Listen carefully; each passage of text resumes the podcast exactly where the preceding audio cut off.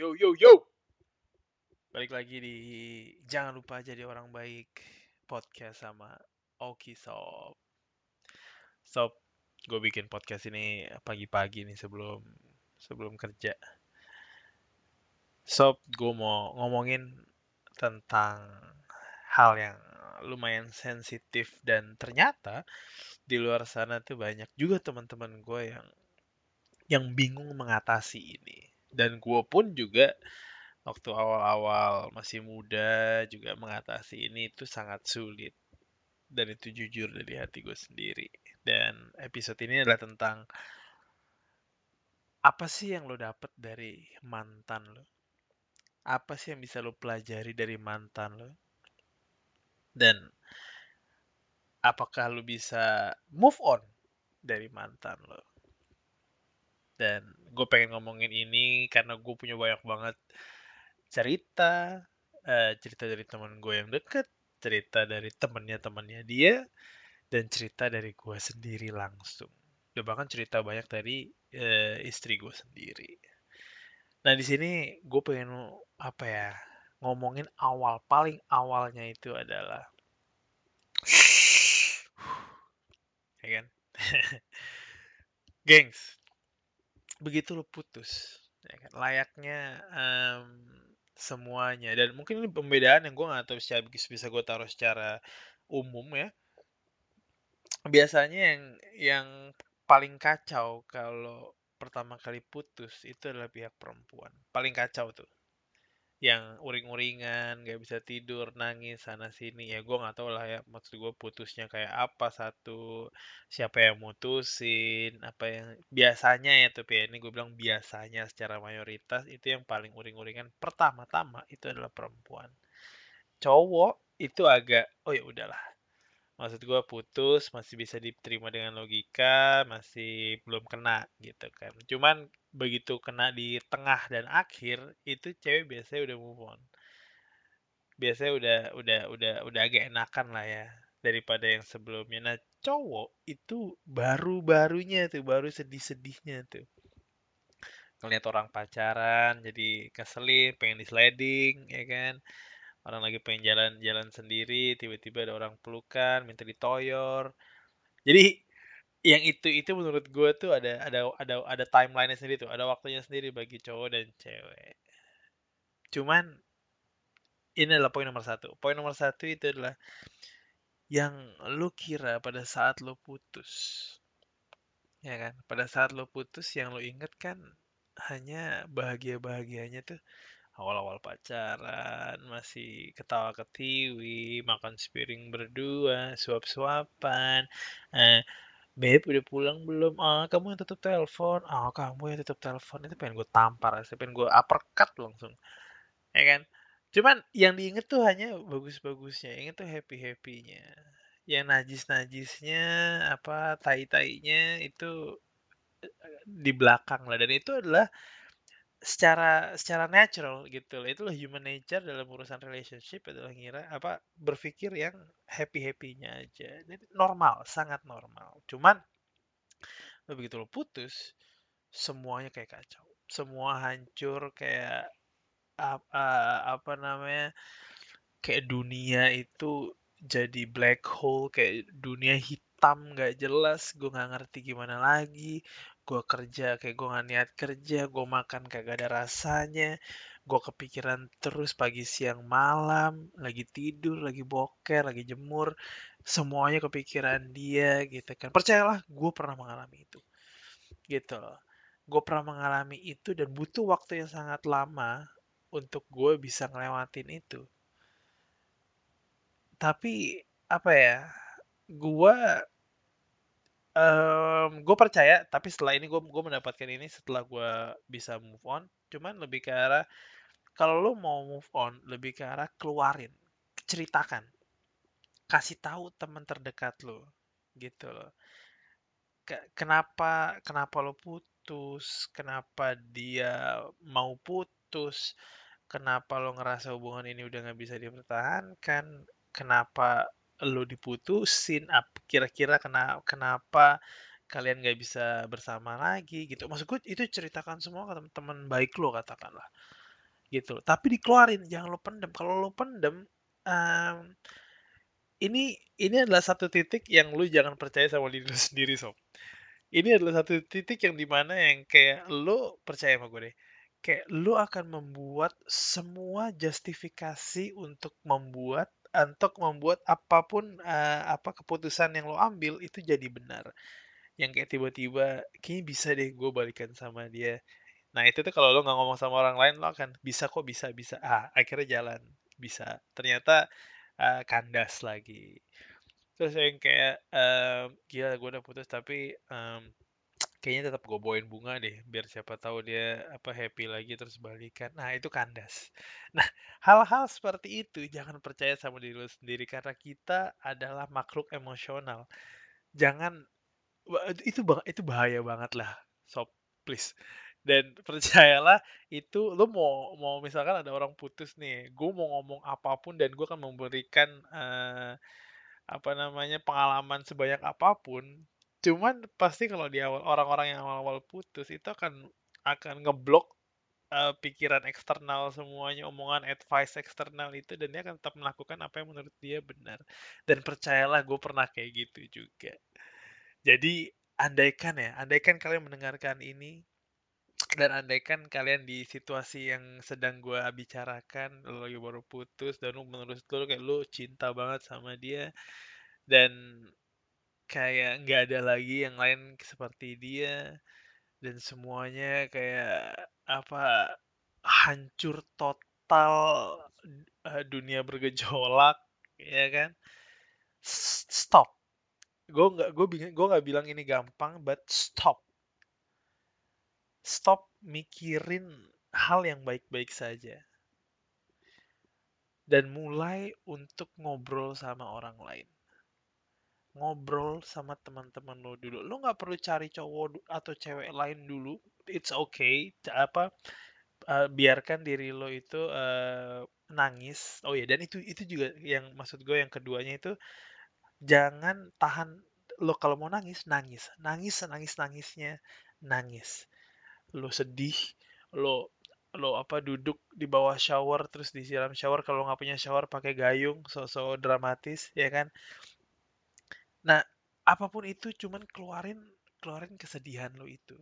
Lo perlu waktu sendiri nangis, nangis di kamar kamar mandi, lagi berak nangis, sikat gigi nangis, ya kan? Bebas, tapi keluarin keluarin kesedihan lo itu sampai lu nggak bisa nangis lagi gitu loh omongin semuanya ke teman lu sambil nangis bebas tapi keluarin keluarin kesedihan itu kayak lo ngeluarin racun gitu loh sampai racunnya udah nggak ada lagi yang bisa lo keluarin. Ya kan? Jauh nggak usah nggak usah jadi kayak menurut gue ya menurut gue nih gue nggak tahu buat yang lain ya tapi menurut gue untuk lo ngeblok uh, sosial media nomor uh, untuk lo menghilang itu menurut gue sih ya uh, ini menurut gue ya gengs sekali lagi itu menurut gue tidak dewasa karena itu menandakan kalau lu nggak bisa mengontrol diri lo sendiri. Karena lu nggak bisa mengontrol emosi dan uh, feeling lo sendiri. Gitu loh. Jadi kayak kayak buat gue secara pribadi, kalau apa ya, um, buat gue itu simple gitu loh. Gue gua itu mungkin gue diberkatin dengan dengan dengan apa teknik move on yang cepat dalam artian kalau gue pacaran dan gue dikecewakan dalam artian um, dia selingkuh wah itu gue move onnya dalam hitungan detik. Dan gue udah gak peduli lagi gitu loh. Kalau lu kalau lu nggak peduli untuk mikirin perasaan gue gue ngapain mikirin perasaan lo kurang lebih seperti itu. Jadi kayak kita udah jalan bareng terus tiba-tiba dia bohong sama gue dan bohongnya itu lumayan lumayan apa kasar gitu ya dan itu kayak kayak menjelek apa bikin gue merasa jadi orang yang bodoh. Nah itu itu kelar. Dan gue selalu bilang maksudnya gue kadang waktu awal-awal gue nggak bilang dari awal sih maksud gue cuman ini kayak uh, untuk hubungan-hubungan yang apa ya sebelum hubungan gue sebelum gue nikah lah ya. Itu kayak jangan pernah bohong dan jangan pernah selingkuh. And that's it. Gitu itu itu peraturan gue dan um, jadi dewasa gitu loh maksudku. Dewasa kalau lo bisa kontrol feelings lo ini nggak nggak gampang loh. Dalam artian lo harus uh, belajar mengontrol perasaan lo dan itu nggak bisa langsung jeder langsung bisa. Ini ini bukan hal yang bisa lo pelajari di YouTube atau di uh, podcast. Ini hal yang harus lo pelajari diri lo sendiri yang harus mengalami gitu dengan apa pun itu dengan kejadian apa pun gitu loh susah apa pun. Ya enggak dan dan sekali lagi ini ini yang ketiga gengs. Yang ketiga adalah jangan pernah untuk meminta orang atau memohon memohon untuk lo dicintai. Jangan pernah untuk beg for love jangan pernah lo merasa kalau diri lo itu kayak tolong cintai gue dong, tolong kasihin gue dong, tolong pacarin gue dong. Ya, no. Lo punya harga diri. Setiap orang punya harga diri. Cuman kalau lo naruh harga diri lo di situ, mohon maaf, itu orang akan ngang apa namanya ngambil harga diri lo ya di harga yang terendah yang lo taruh di situ gitu loh. Dan lo akan diinjak-injak. Gua nggak bisa gitu loh. Gua um, gua nggak akan minta orang untuk ada bersama gue dalam artian orang yang pengen pacaran sama gue itu adalah orang yang memang sadar dan apa sadar secara penuh dia ada di situ karena kita saling mencintai. Bukan gue minta untuk mereka mencintai gue simple. Gitu. Dan apa ya um, apa jangan pernah deh. Gue gue gue bisa bilang kayak kayak walaupun lu minta lu ngejar terus katakan lu lu ngejar satu satu orang gitu ya. Lu ngejar satu orang dan orang ini kayak nggak gue nggak mau. Nggak gue mau. Gue gue nggak mau sama lu. Cuman lu kejar terus tapi akhirnya dapet akhirnya dapet dan um, apa ya gue bisa bilang um, itu bukan menurut gue ya bukan sesuatu hal yang pantas lo lakukan. Dalam artian gini, uh, gue percaya ada yang namanya keseimbangan di dalam hubungan. Nah, keseimbangan itu harus lo jaga. Jadi nggak ada, menurut gue ya, nggak ada cowok yang terlalu nyetir hubungan dan nggak ada cewek yang terlalu nyetir hubungan. Lo harus seimbang. Karena keseimbangan itu menurut gue sangat penting. Karena kalau kalau ada di satu posisi itu ada yang merasa dia lebih lebih uh, superior daripada saat apa apa apa pasangan lainnya itu yang akan bikin apa hubungan itu akan rentan untuk kandas. Gitu. Katakanlah ya uh, lu sebagai cowok dan lu ngejar si cewek. Dan lu ngejar terus ngejar terus sebut ngejar terus padahal lu ditolak ditolak ditolak dan akhirnya ceweknya ah ya udah deh kayak dia ngejar gue terus padahal gue udah coba yang ke lain cuman yang lainnya kayak bodo amat terus akhirnya karena dia ngejar terus akhirnya gue terima aja deh. Itu ada rasa kasihan. Dan rasa kasihan itu kayak kayak buat gue ya. Kalau lu diterima cuman karena rasa kasihan uh, apa itu harga dirinya sih agak agak di apa agak ambiar gitu ya sob dan itu gue nggak bisa tuh masuk ke hubungan dengan dengan dengan seperti itu gitu loh. Tapi ada loh ada gue pernah ceritain teman gue ada yang kayak dia ngejar uh, cewek ini terus-terusan ditolak terus dan ceweknya sempat pacaran sama beberapa orang tapi tetap dikejar tetap dikejar tetap dikejar tetap dikejar um, dan akhirnya uh, ceweknya uh, putus itulah putus nyambung putus nyambung putus nyambung sama mantan mantannya dan akhirnya dapet lah sama si teman gue ini dan di situ kayak uh, dan mereka pun menikah gitu loh. Maksud gue ada juga kayak gitu. Ya gue nggak bisa gue nggak bisa bilang kalau kalau hal ini uh, akan selalu jelek gitu loh. Cuman gue lebih ke arah um, itu adalah hal yang nggak akan gue lakukan gitu loh. Kalau itu menurut lo baik dan lo menurut lo akhirnya berhasil dan bahkan ada orang berhasil yang yang dengan cara itu dan mendengarkan podcast ini selamat gitu loh dan semoga yang tadi gue bilang tentang tentang apa ya keseimbangan hubungan itu uh, itu di hubungan kalian itu adalah seimbang. Gue sangat berharap itu sih. Karena kalau nggak nggak imbang gitu menurut gua kalau cowok ngejar terusin ceweknya itu ceweknya itu selalu di atas angin. Yang di mana dia akan ceweknya akan merasa kayak ya lu perlu gua. Gitu loh. Gua diperlukan banyak orang. Jadi ya gue di atas angin gue gue bisa sama siapa aja. Nah itu yang sangat bahaya gitu loh gue gua nggak mau membuat situasi seperti itu. Gitu. Dan dan gimana ya?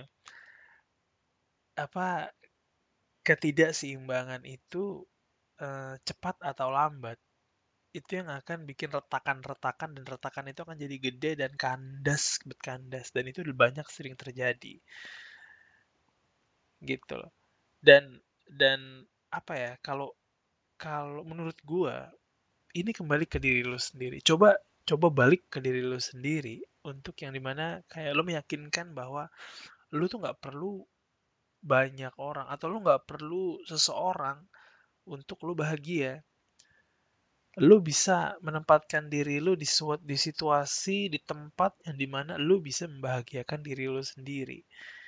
Nah di sini yang paling penting menurut gue yang sangat krusial adalah jangan apa apa namanya ya berharap untuk kalau lu pacaran lu akan bahagia. Kalau lu menikah lu akan bahagia.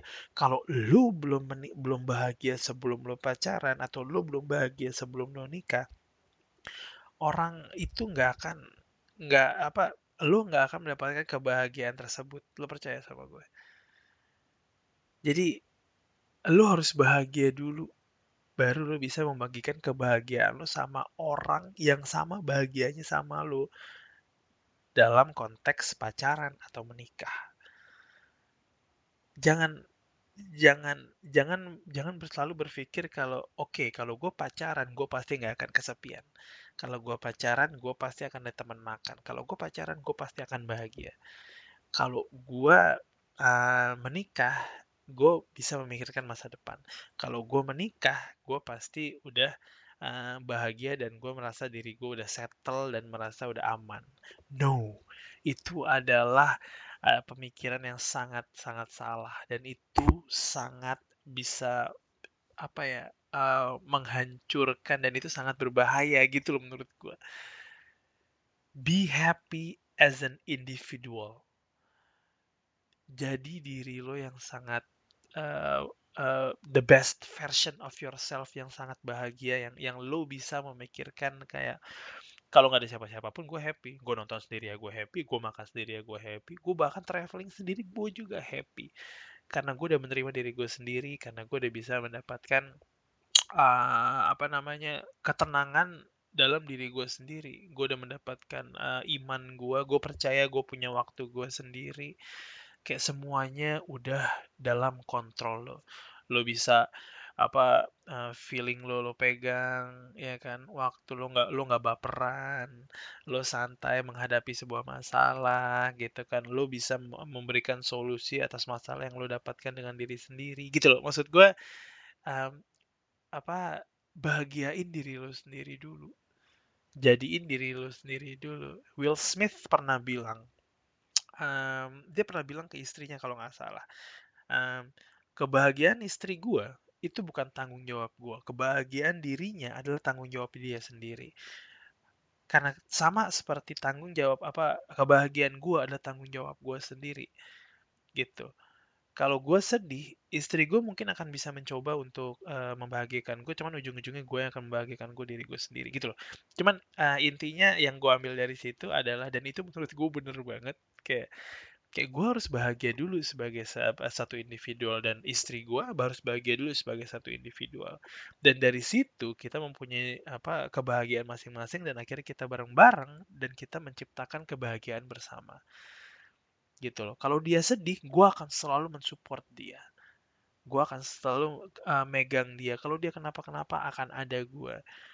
Cuman yang akan mengontrol uh, apa namanya cetekan lampu kebahagiaannya dia itu adalah dia sendiri. Gue nggak bisa ngapa-ngapain gitu loh. Gue hanya bisa membantu. Cuman yang akan um, apa menyalakan lampu kebahagiaannya itu adalah dia sendiri dan gue nggak bisa melakukan itu gitu loh.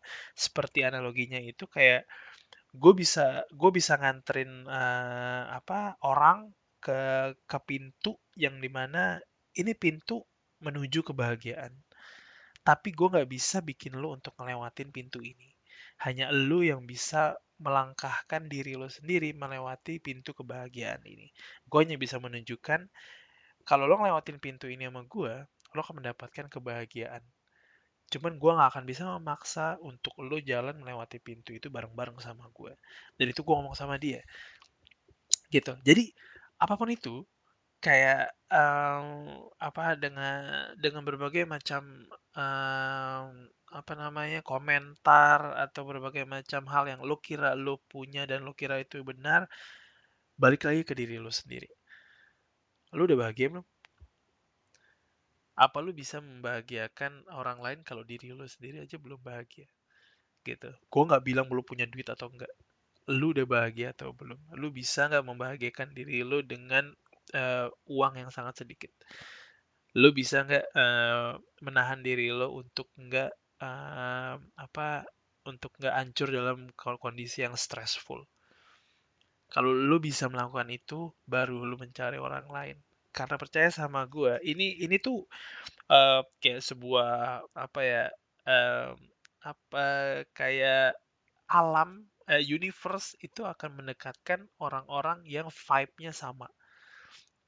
Gitu loh. Orang-orang bahagia akan didekatkan dengan orang-orang yang bahagia. Orang-orang yang sedih akan didekatkan dengan orang-orang yang sedih dan apa ya, orang-orang yang suka party akan didekatkan dengan orang-orang yang suka party. Orang-orang yang suka bikin podcast akan dibikin didekatkan orang-orang yang suka bikin podcast. Influencer influencer akan uh, apa memilih lingkarannya itu dan didekatkan sama orang sesama influencer. Dan itu tuh itu itu akan terjadi gitu loh. Jadi vibe diri lo sendiri kayak aura yang lo lo lo apa lo keluarkan itu akan diambil sama universe dan akan didekatkan sama orang yang mempunyai aura yang sama gitu. Jadi kalau aura lo nggak bahagia ya aura lo akan didekatkan dengan yang ancur-ancur gitu yang yang yang yang yang kacau-kacau yang ambiar-ambiar. Jadi bahagiakan diri lo sendiri bikin aura lo itu se, se happy mungkin gitu loh. Dan dan percayalah lo akan didekatkan sama seseorang yang mempunyai vibe dan aura yang sama. Gitu. Loh kalau masih belum kena-kena masih belum dapat dapat atau belum dapatkan pacar yang ini gimana? Emang belum waktunya berarti. Balik lagi ke timeline itu. Emang belum waktunya lo didekatkan sama jodoh lo. Gitu kan? Ya udah jalanin aja. Ya enggak dan dan gue mau kembali kayak kayak gue mau ini deh gue mau cerita tentang perjalanan cinta gue gue mau cerita dan ceri apa istri gue tahu ini semua. Minum dulu minum dulu. Oke okay.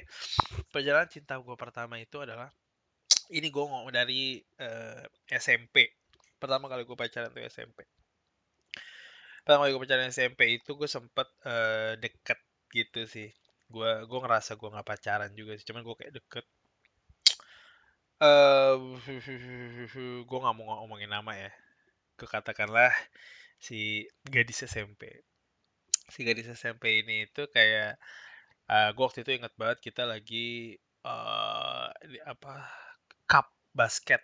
Gue tim basket uh, akhirnya ada tanding lawan apa battle di Petamburan. Gue gue di Strada Strada Pelita Pejompongan. Uh, di situ kita tanding dan apa namanya kayak uh, dikenalin lah sama teman gue ini kasih gadis SMP ini. Cuman kayak di situ tuh kayak gue agak agak-agak brengsek kali ya. Gue kayak gue gue gue pacar kayak cuman gue main-mainin doang gitu loh. Kayak kayak gue nggak nggak peduli gitu loh. Jadi gue cuma lewat-lewat doang. Dan apa gue gue fast forward dan ujung-ujungnya kita kayak jalan aja juga belum tapi pacaran kayak berapa hari doang terus putus. Ya pacaran monyet-monyet gitulah. Habis itu naik kita SMA ah, dari SMP ke SMA gue sempet deket sama si uh, gadis apa uh, eh, SMP ke SMA inilah ya. Terus uh, di sini gue bucin gitu ya. Di sini gue bucin banget gue dengerin segala macam apa namanya apa uh, alasannya dia gue ajak jalan apa namanya nggak nggak bisa. Terus gue inget banget nih dia waktu itu pernah bilang kalau dirinya itu pengen belajar dulu. Ini gue inget banget ini ya dari SMS kayaknya. Dulu masih SMS so belum ada tuh yang namanya WhatsApp lain gitu-gitu kagak ada. Dan dia bilang dia mau belajar jadi berikan gue ini dulu ya apa waktu untuk gue belajar dan itu apa gue menunggu sob. Gue asli menunggu sampai dia uh, SMS lagi. Dan gue menunggu itu itu selama setahun kalau nggak salah. Dan setahun itu adalah dari kelas 1 ke uh, kelas 2 eh sorry kelas 1 ke kelas 1 lagi karena gue nggak naik kan kelas 1 gue yang pertama dan gue akhirnya ke kelas 1 lagi dan itu gue nunggu dia nggak balas dia nggak balik balik apa nggak nggak nggak sms gue dan akhirnya ya udah. Gue masuk SMA kan uh, di Gons Gonzaga. Dia masuk di hmm, apa namanya Tarakanita Pulau Raya. Uh, udahlah di situ kita kita nggak pernah hubungan kita nggak apa gitu kan. Uh, kita sempat ngobrol-ngobrol dikit kita sempat ketemu waktu itu kita sempat ketemu waktu itu uh, kita pernah akhirnya non mau nonton bareng di uh, Pondok Indah satu. Gue inget banget Pondok Indah satu akhirnya gue ketemu dan begitu dia muncul gitu kan. Gue udah kayak nggak ketemu setahun kan. Uh, abis itu gue begitu ngelihat dia ini uh, sorry banget ya maksud gue ini kita buat anekdot aja kali ya maksud gue buat buat lucu-lucuan aja gitu loh kayak uh, gue begitu ngeliat dia gue ngeliat dia langsung yang kayak anjir ini sih beda banget kayak waktu itu yang awal gue ngeliat gitu loh beda banget kenapa kayak um, gue jujur gue tuh gak suka banget sama perempuan yang ngomongnya yang kayak Hai, lu lu lagi di mana? Kayak ini gue lagi di sini nih, lagi yang yang yang yang yang yang sosok gaul selatan gitu tuh gue agak-agak agak-agak anjing ilfil banget gue dan dia itu gue inget banget dia pakai uh, tas warna emas uh, hot pants dan bajunya gue lupa lah baju baju biasa. Tapi warna, tasnya itu warna emas tas yang di mana itu gue nggak tahu dari kulit apa dari apa cuman kalau lo raba dia bisa berubah gitu loh. Jadi kalau lo raba ke kiri dia akan biasa aja tapi kalau raba ke kanan dia akan dia akan berubah gitu. Gue nggak tahu tuh kayak, kulit atau bulu atau apa gue nggak ngerti. Cuman kayak dari itu tuh gue kayak oh ini sih gila sih. Gue langsung yang kayak gue inget banget yang kayak gue tiba-tiba uh, pura-pura gue terima telepon atas teman gue yang bilang oh Ki um, ini nih kita lagi mau tanding nih main futsal gitu kan gitu-gitu. Gue langsung yang oh ya? Ah style lo beneran lo serius lo? Jadi jadi gue balik deh gitu. Dan gue langsung alasan dan gue langsung balik gitu kan. Ke anjir sih gue langsung yang itu ilfil saya ilfil ilfil gue I mean no disrespect ke ke gadis SMP SMA ini yang kayak gue yakin lo udah bahagia sekarang gitu kan. Gue nggak eh, walaupun lo gue nggak tahu lo di mana gue yakin lo udah bahagia sekarang. Mungkin lo udah punya anak kali gue nggak tahu. Kayak yang penting kita berdua memang memang bukan bukan tempatnya gitu lo bukan buat bareng-bareng.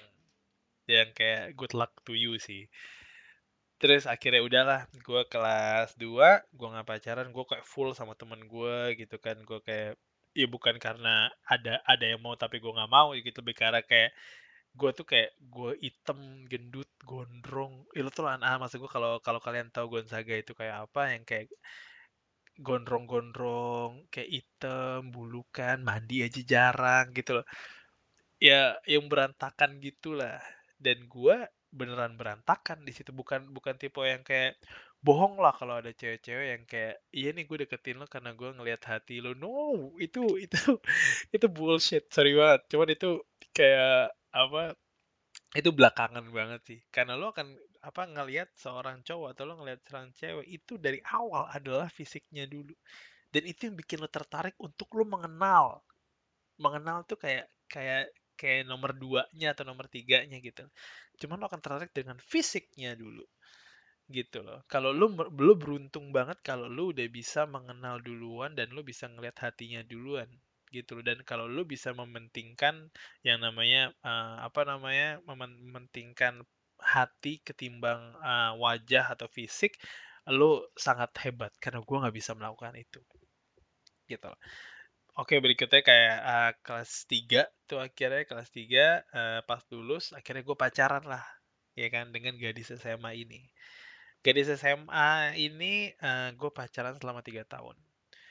Um, gue mulai pacaran itu adalah pas malam kelulusan sampai semester 5 apa 6 kalau gue nggak salah sih 6 kalau nggak salah semester 6 um, di sini apa ya gue bisa bilang gue belajar banyak dari gadis SMA ini. Kayak gue nggak bisa jadi cowok yang membosankan gue nggak bisa jadi cowok yang apa namanya uh, kayak lembek gue mesti punya suara gue mesti apa namanya kayak gue belajar banyak lah dari dia. Karena dia ada tipe perempuan yang yang keras yang kuat gitu. Ya maksud gue yang yang yang batu banget lah asli palanya batu bet gitu loh. Dan dan apa ya gue belajar untuk sangat bersabar dengan perempuan ini. Kayak mood swingsnya itu kayak kayak apa kita bisa happy di katakanlah ya, kita jalan nih. Kita jalan ini nih yang gue hadapi sendiri nih. Kita jalan malam-malam gitu ya. Terus uh, kita happy kita makan kita ketawa-ketawa malam gue anterin pulang selesai. Besok paginya dia bisa bete. Kenapa dia bete? Nggak tahu kenapa. Dan gue diharapkan untuk bisa mengerti itu. Dan itu tuh kayak gue gue berusaha banget untuk mengerti itu gitu loh. Kayak salah gue di mana gitu jadi jadi itu sangat membingungkan diri gue padahal tapi gue gue nggak punya gue nggak punya kayak kayak kiat untuk menghadapi perempuan yang malamnya bahagia tapi paginya bete. Itu gue nggak ada nggak ada bukunya dan gue nggak pernah baca itu gitu. Dan gue bingung.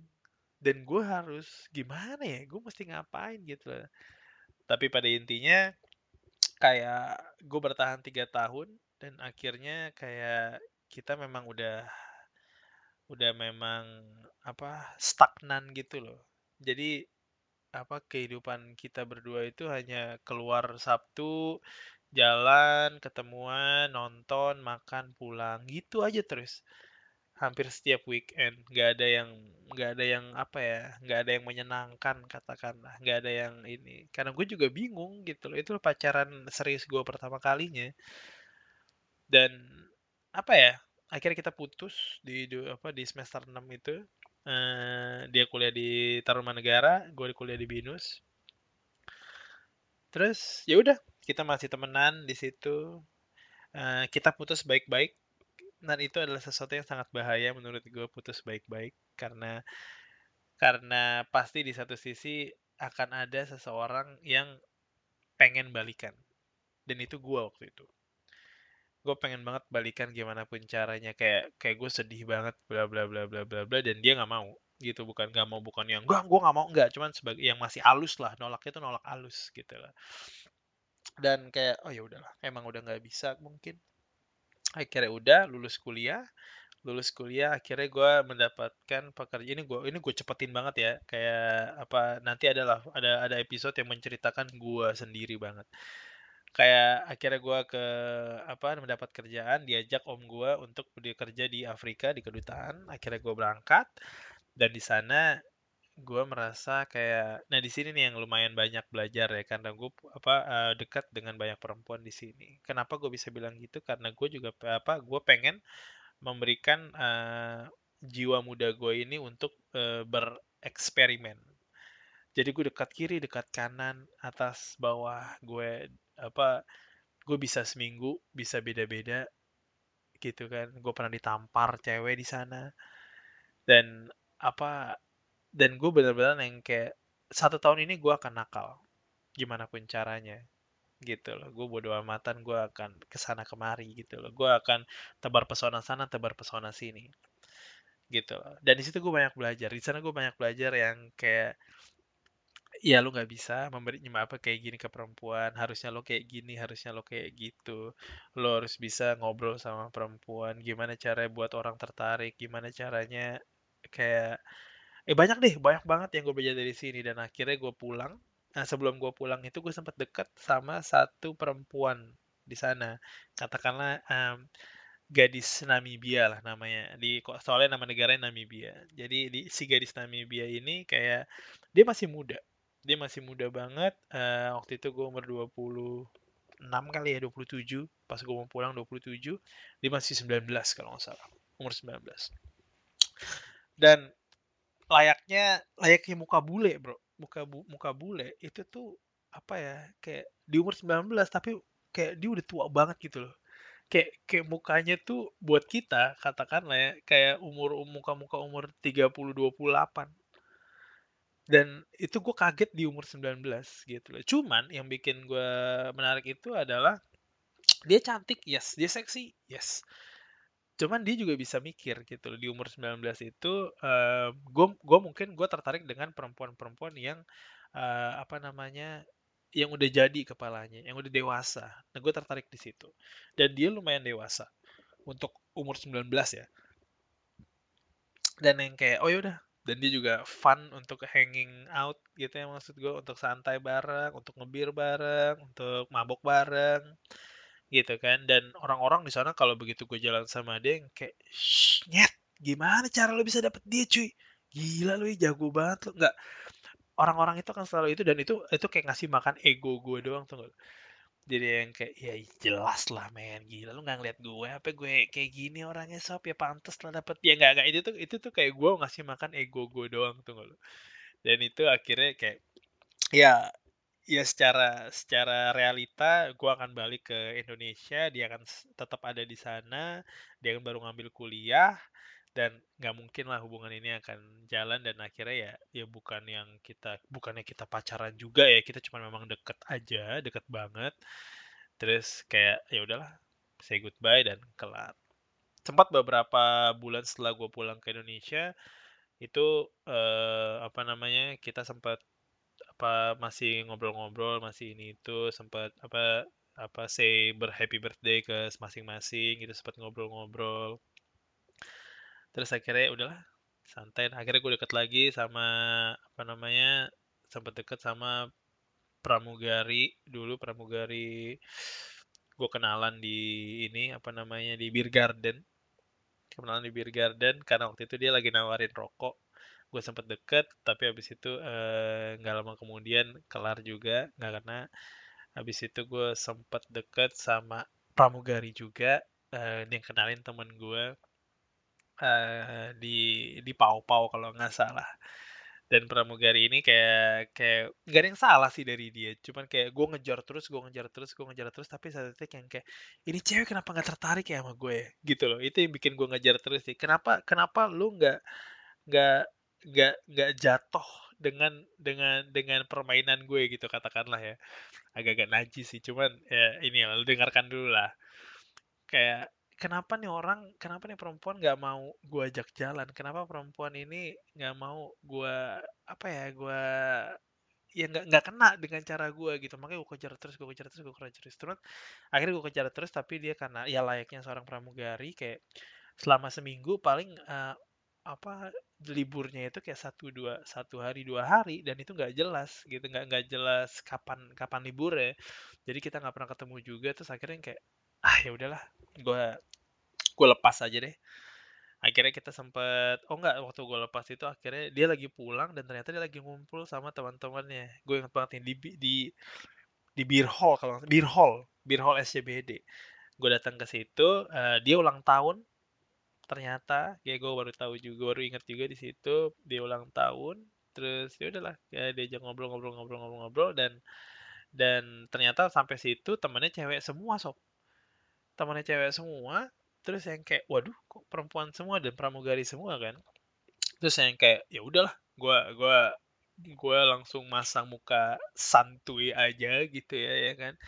Yang kayak ya udah kita ngobrol-ngobrol aja. Terus yang kayak teman-temannya yang pada yang kayak kalian cepet ya jadian ya gitu. Yang kayak apa ini ini apa apa happy happy gitu kan. Terus gue bilang kayak ya udah gue santai-santai aja. Cuman pada saat itu gue lebih arah yang kayak oh oke okay, dan gue inget banget pada malam itu juga dia itu nggak bawa mobil. Dan gue bilang udah sini gue anterin pulang gitu dan dia nggak mau cuy. Dia nggak mau gue anterin pulang dan dia sangat bersikeras untuk dia nggak mau diantar pulang. Dia dia gue inget banget kata-kata dia yang kayak eh lo mau ini kita jalan kan?